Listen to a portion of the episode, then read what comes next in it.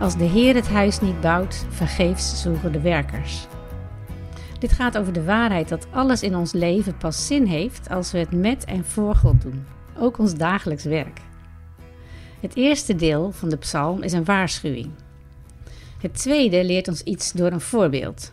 Daar staat: Zonen zijn een geschenk van de Heer, kinderen een beloning van Hem. Het is een subtiel voorbeeld. Een huis bouwen of een stad bewaken vraagt stevige en continue inzet. Maar kinderen zijn het gevolg van een ongelooflijk wonderbaarlijk proces. Dat wel samenwerking vraagt, maar moeilijk als werk gezien kan worden. We nemen deel aan een liefdesdaad. En alleen in dat opzicht kunnen we zeggen dat we tussen aanhalingstekens een kind maken. Maar het zijn de goddelijke handen die aan het werk zijn in het ontstaan van het wonder van leven. Oppervlakkig gezien zegt de psalmist dat als een vader een aantal zonen heeft, dit een door God bedoelde bron van comfort en troost is. Maar ik denk dat het hier gaat om een diepere waarheid. Jezus heeft gezegd: Ieder die de wil van mijn vader doet, is mijn broer en zus en moeder. En we kunnen er dus niet ver naast zitten als we zonen zien als een vertegenwoordiging van onze persoonlijke en intieme relaties. En als we zo kijken naar Psalm 127, zien we een plaatje van leven en werk dat niet gericht is op het verkrijgen van dingen, maar op de ontwikkeling van betekenisvolle, rijke en blijvende relaties.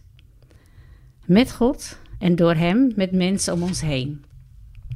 Ik was deze zomer in Italië en ah, ik kan enorm genieten van het familieleven daar. De openheid.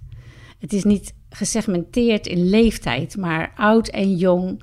Iedereen is welkom. Kom erbij, eet mee.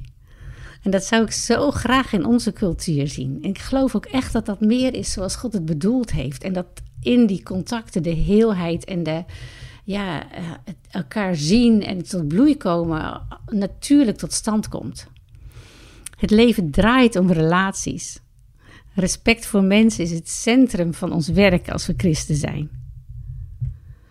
Het karakter van ons werk wordt niet gevormd door wat we bereiken of bezitten, maar door de vorming van relaties. We investeren in mensen. Dat zei Eugene Peterson. En onder ons zijn er die onze broers en zussen, zonen en dochters worden, net zoals Jezus dat bij ons deed.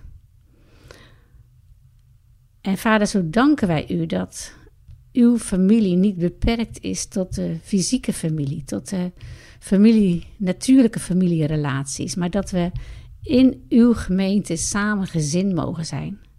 En ik bid dat ieder, wat voor plek, leeftijd, geschiedenis je ook hebt, zich gezien mag weten en opgenomen en mag weten dat hij deel is van die rijke tafel waar u vader bent en wij met elkaar de maaltijd mogen delen. Amen.